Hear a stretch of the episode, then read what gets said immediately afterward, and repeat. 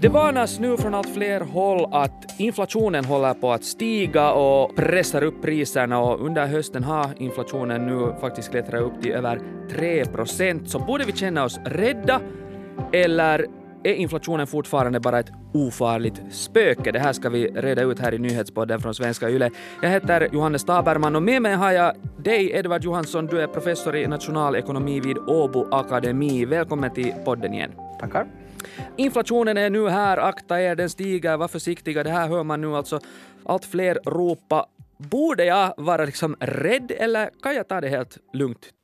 Ja, rädd och rädd är väl en, en sak alltså, men det här är nu ett sånt här äh, makroekonomiskt fenomen som, som dyker upp. Ja. Går det illa så, så kan det ha ganska stora konsekvenser och går det bra så har det inte så stora konsekvenser. Men det känns som att det alltid finns så här vad ska vi säga, ekonomiska olyckskorpar där ute som, som varnar just för den här stigande inflationen och letar efter tecken på att när kommer den, när är den här? Så, så jag menar, vad bedömer du, hur stor är den här risken för att den stiger för mycket just nu?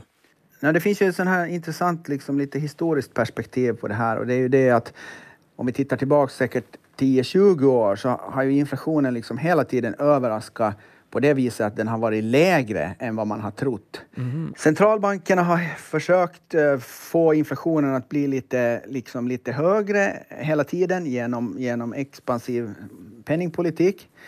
Uh, och inte lyckas, ska vi säga.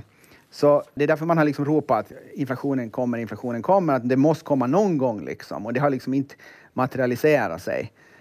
Och nu verkar det ju som det eventuellt håller på att hända då, så att det, det är liksom med det, ur det perspektivet man ska se den här saken. Mm, för att riktigt ta det liksom ner till, till, till de här grunderna, vad är den exakta definitionen på inflation?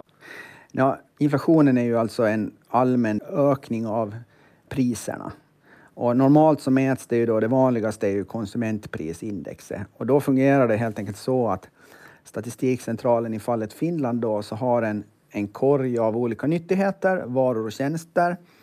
Och man går helt enkelt ut varje månad och tittar i butikerna eller var det nu finns då, vad olika saker kostar. Och sen räknar man egentligen ett vägt medelvärde på det här och tittar att, okay, att, att tillsammans då, hur mycket har priserna gått upp till exempel jämfört med ett år tillbaks. Och det är det som är den här, normalt man brukar då rapportera den så kallade inflationstakten och det är egentligen då hur många procent den här korgen av, av varor och tjänster har gått upp i pris på ett år. Mm.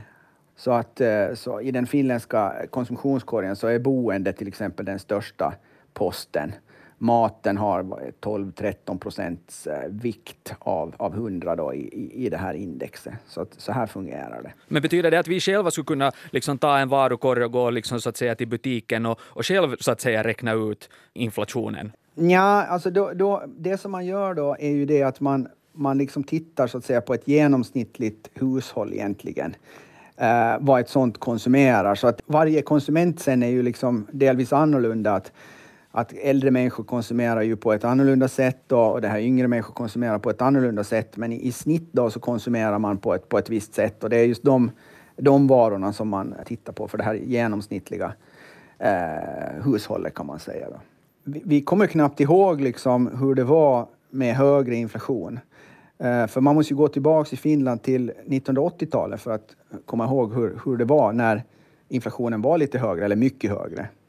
Uh, så vi är inte vana med inflation, för att det har inte egentligen inträffat på väldigt, väldigt länge. Mm. Och ska man gå ytterligare tillbaka i historien så förstås så finns det ju de här horribla incidenterna med hyperinflation som, som ju var då i Europa uh, före, före andra världskriget. Så det är ju, det är ju, det, det är ju en av orsakerna till att man är väldigt delvis då stressar för den här inflationen. För att en sån här okontrollerad prisökning, en hyperinflation, det är ju liksom, det är ju bland det värsta man kan tänka sig ur ett ekonomiskt perspektiv. Så det finns liksom ett sånt här stort inflationstrauma som vi bär på på något sätt fortfarande? Ja, jag vet inte trauma, men alltså det finns ju den här lärdomen att man kan inte ha ett fungerande samhälle om man har en hyperinflation. Uh, historikerna skulle kanske säga att en av orsakerna till att Hitler kom till makten i Tyskland var just hyperinflationen. No, no, no, nu talar ju ingen ännu om någon hyperinflation, men, men inflationen här i Finland har stigit sakta men säkert hela året.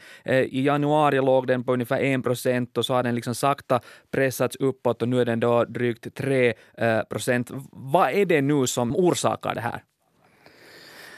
No, det är det här som är den verkligt intressanta och knepiga frågan. Att, att är det här nu sådana här tillfälliga effekter som beror på coronan? Eh, eller är det någonting mer permanent som liksom har inträffat? Och det här är jätteviktigt för att, för att det här betyder olika saker i konsekvenser och också liksom vad, vad de här centralbankerna och den ekonomiska politiken liksom ska göra. För att om det här är tillfälligt, det vill säga det att det är det är tillfälliga så att säga, utbudsstörningar som har förorsakats av pandemin. Brist på komponenter och brist på lite det ena och det andra. Som sen kommer att liksom gå över bara liksom ekonomins eh, hjul börjar rulla. Och det tar, det tar ganska länge det här. Eh, eh ändå. För de här komplicerade internationella logistikkedjorna är väldigt långa och det här eh, komplicerade. Så det tar länge så att säga, innan man får allting på, på gång på nytt. Eh, men om det, om det liksom är, är tillfälligt så då, då är det inte så farligt och då, då ska man egentligen kanske inte göra så mycket heller. Men om det visar sig att den här inflationen då biter sig fast då är det mer allvarligt och då kommer det att hända andra grejer helt enkelt. När vet vi det? Jag menar, när, när så att säga kan vi eh, dra slutsatsen att det här inte bara var liksom tillfälligt utan mera bestående? allt det här är ju liksom lite luddigt och, och, det där, ingenting är ju riktigt exakt när man liksom vet det. Men, men, men det här, ju längre tiden går och, och om inflationstakten liksom inte minskar, desto mer tecken finns det ju på att, liksom att att det är en mera permanent sak och liksom så är det. Men du var inne på det här liksom andra, den här så att säga mera, eh, vad ska vi säga, optimistiska liksom eh, tolkningen av, av den här stigande inflationen den har med, med coronan att göra. Är det alltså det liksom att när det har delats ut så mycket pengar i coronastöd så, så liksom så tappar pengarna sitt värde?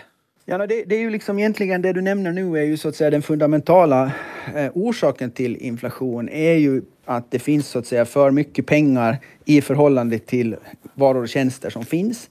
Och det betyder att, att de här köparna på marknaden börjar bjuda över varandra för att få de här grejerna eh, som det liksom är en stor knapphet på och det driver upp priserna. Och det är ju klart att om vi tittar på vad som har hänt i den ekonomiska politiken under coronan och också före coronan så, så är det ju så att, att man har då från, från centralbankernas sida varit väldigt offensiv med penningpolitiken. Man har pressat ner räntorna jättemycket. Staterna har skuldsatt sig eh, väldigt mycket och liksom eh, på, skjutsa ut pengar i ekonomin så att säga. Och det är väl det här som vi ser, ser effekten av också nu. Okej, okay, men nu, nu är liksom uh, inflationen då ligger på 3,2 procent. Jag menar, hur illa är det här? Ja, om det inte blir värre än så här så och, och liksom det här är mera övergående så, så, så, tror jag inte att det liksom är någon större, större panik på det viset. Men att eh, om det liksom fortsätter, och det finns ju, jag menar till exempel Bank of England uttalar sig väl därifrån att, att de eventuellt för att liksom råda bot på den här inflationen som då börjar bli obekvämt hög måste börja tillgripa en mera kontraktiv eh, penningpolitik, alltså strama åt lite mera. Och det är ju egentligen det då som sen leder till en massa olika konsekvenser. Att det betyder ju det att ränteläget kommer att stiga lite eller mera. Och det har ju sen ytterligare konsekvenser att alla lån då blir liksom lite dyrare eller mycket dyrare beroende på hur mycket räntan stiger. Och eh, alla som är skuldsatta får ju en besvärligare situation eh, att, att liksom sköta sina lån helt enkelt. Så om man sitter på ett bostadslån så, så lönar det sig att liksom följa med det här nu, utvecklingen noga?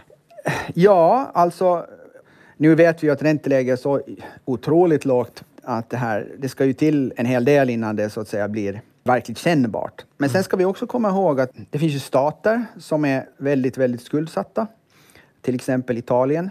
Och man har nu tack vare de här låga räntorna så klarar man sig.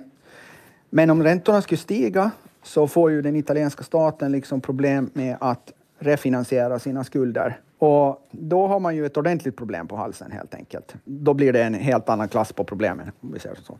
Så eh, äh, säger mig han liksom tolkar det här rätt. Det som sker i Italien nu på den ekonomiska fronten kan vi känna av i våra plånböcker och kanske leda till, till färre julklappar och mindre delikatesser på julbordet i jul.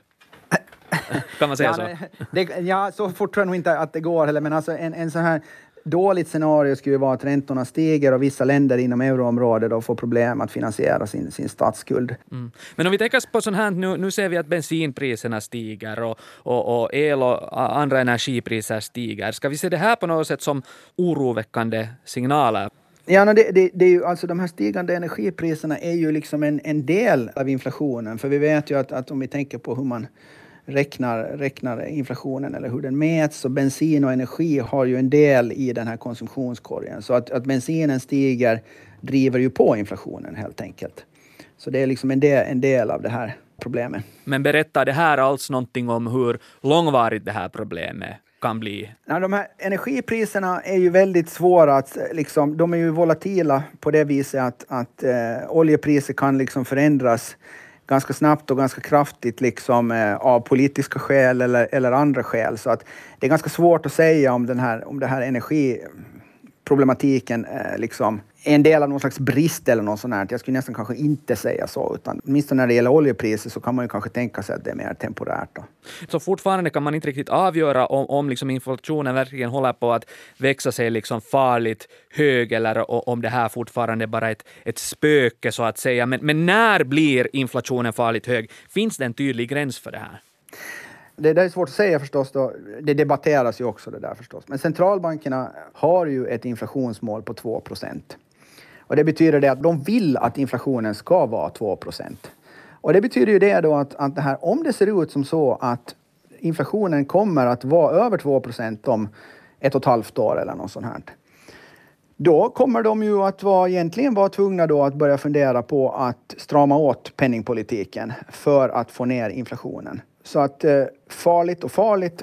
Eh, men det som händer är ju det att man kommer kanske tillgripa en sån penningpolitik som eh, stävjar den här höga inflationen eh, redan innan den liksom blir till. Men den ekonomiska politik som centralbankerna då kommer att föra den kommer ju att lyfta på räntorna, vilket i sin tur har en kraftigt avkylande effekt på ekonomin. Så att liksom problemen eller svårigheterna kanske inte kommer, i vårt fall, kommer från den här inflationen utan de kommer från den här högre räntorna då i så fall. Just det. Och man kan kanske säga att de här låga räntorna har liksom dopat den här finska ekonomin också under, under senaste tid. Du, du talar om det här alltså just att, att lite inflation ändå också är bra och att det finns, råder någon form av konsensus då tydligen kring det här två procents inflation, att det här skulle vara nu liksom den här perfekta nivån. Var, varför är två procent en sån här bra nivå? När, har man då hög inflation, man skulle säga 5 eller 10 procent, så då då blir det sådana här besvärliga saker som att, att det blir sådana här automatiska skattehöjningar som bara beror på inflationen. Till exempel att både löner och priser stiger med liksom 10 per år så betyder det att man måste hålla på att ändra. Skatterna stiger liksom ah, automatiskt. Och sen så måste ju priserna bytas hela tiden i butikerna. Liksom att allting går ju upp då så då måste man hålla på att byta priser hela tiden. Och sen är det ju så att sådana här inkomster då som är definierade i, i pengar så att säga, de tappar ju värde helt. Och vissa typer av besparingar tappar, tappar sitt värde. Så att det är problemen med, med, med hög inflation. Och sen då om det går till hyperinflation så då är det liksom total katastrof. Men man vill inte heller liksom ha en nollinflation. Varför det? Nej, för att eh, det betyder också det att, att det här eh, eh, när man till exempel ska förhandla om löner och så vidare, så vidare så det är enklare om det finns lite inflation för att det betyder ju det att om, man, om inflationen är 2% och man får en 2% löneförhöjning så har man egentligen ingen löneförhöjning alls. Och får man en 1 eh, löneförhöjning så har man egentligen en reallöneminskning. Och det är lite enklare att leva i en sån värld där man så att säga nominellt får någonting än att man så att säga nominellt sett får mindre. Så att det, här, det, det smörjer ekonomin också med, med det här eh, 2 Vad finns det då liksom för verktyg för att på något sätt ta kontroll över det här liksom osäkra inflationsläget och, och liksom just hålla den på den nivå kring 2 som, som man vill? Ja, no, det är ju, på europeisk nivå så är det ju Europeiska centralbanken som, som det här med sin, med sin eh, ekonomiska, sin penningpolitik som, som styr eller påverkar den här inflationen. Sen är det ju faktiskt så att inte den är helt liksom möjlig att styra heller, utan, utan det här det sker ju sådana här överraskningar. Att... Nej, men när borde jag liksom börja bunkra upp med billig burkmat och bensin och gömma mig i sommarstugan i väntan på kaos och anarki för att liksom inflationen stiger helt okontrollerat? Va, vad är liksom för tecken jag ska leta efter? ja, det där, det tror jag nog som privatperson, så, det där ska man nog liksom äh, inte, inte vara bekymrad över. Jag tror inte på ett sådant scenario alls. Däremot så kan man ju tänka sig för som privatperson då när det gäller skuldsättningen. Att eh, stresstesta, och det gör ju bankerna också, de har ju blivit lite försiktigare med sånt, men liksom att kan ens bostadslån, liksom ta, ens privatekonomi ta en höjning i ränteläge med någon procentenhet? Det, det tror jag nog absolut att man ska, man ska tänka sig för. Liksom, för att räntorna liksom för evigt skulle vara så här låga som de är nu, det är ju inte realistiskt. Mm. Så jag kan sova gott men jag ska vara lite vaksam ändå? Ja, nu tycker jag, nu tycker jag ju det. Ja. Edvard Johansson, professor i nationalekonomi vid Åbo Akademi. Tack för att du var med i Nyhetspodden igen. Tack, tack. Jag heter Johannes Taberman. Fortsätt lyssna på oss.